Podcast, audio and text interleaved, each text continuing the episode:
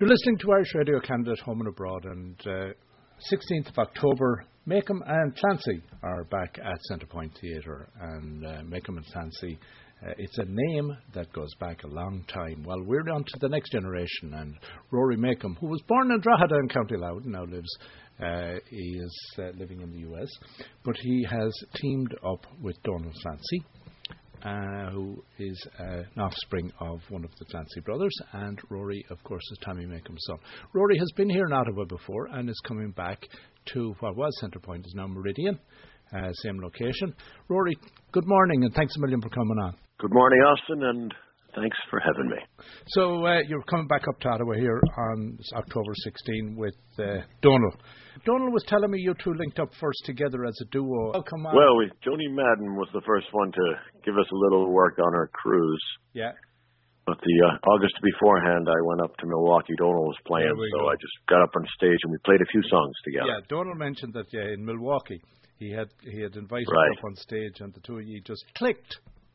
Well, it was just the stars were aligned, and uh, it just worked out. It, it turns out we both grew up with the same music, and our love and respect for it uh, goes very deep, not just with us individually, but in our families. So it, it was a match made in heaven, I suppose.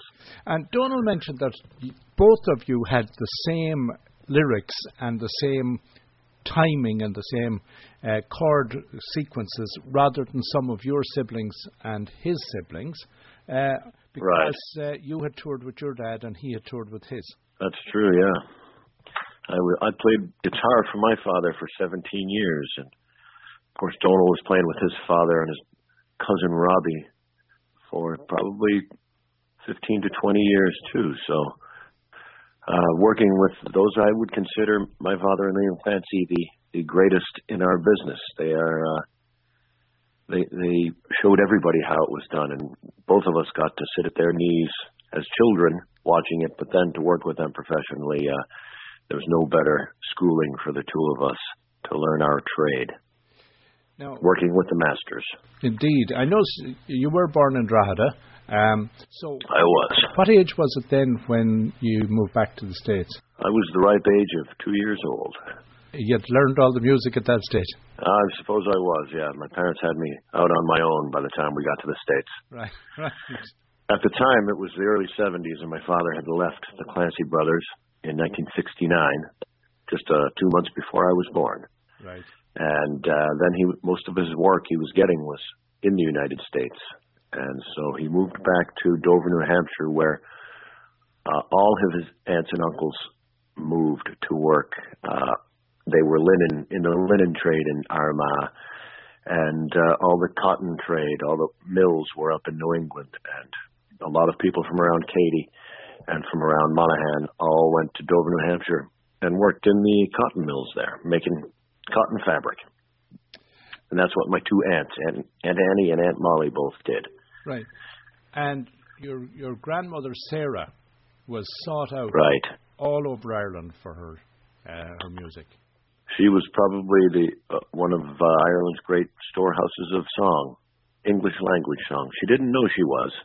It just went into her like a like uh, it just poured into her. She could learn a song hearing it just the once, and she was incessantly singing, and uh, she just became known around. And then people like Sean O'Boyle uh, would visit her and Peter Kennedy, and turns out her songs were played on the Sean O'Boyle's radio show, and he named the show after her song "As I Roved Out."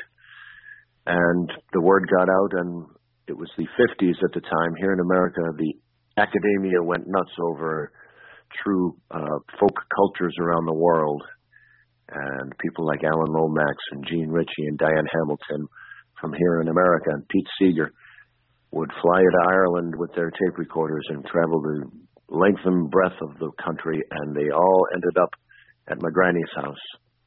And she would sit and make cups of tea for everybody and just keep singing. After her song As I Roved Out played on the first As I Roved Out radio show, she said, Had I known it was going out to all those people, I wouldn't open my mouth. She so, never played a gig in her life. And it's so typical of, I suppose, what would have been many of the true Irish singers in that era. Uh, that they would have just, it was a, a, part of who they were, not something that they did as a performance. And they also had to entertain themselves. When my granny was growing up, they didn't even have a radio. So when they got all their chores done for the day, they would meet at, at the foot parlor, which was just down at the bottom of the street on the sidewalk, and uh, they'd sing songs, or someone would play, pull a whistle out and play a few tunes, or there'd be some dancing, or they might recite some poetry or recitation. And after an hour or two of that, they'd all go home and go to their beds and wake up very early the next morning and start the same routine all over again. It was self entertainment. And and again, as I say, so deeply rooted in in who everybody was, and you had people like your grandmother, and they were uh, uh, very much uh, in the tradition a respected elder of the community.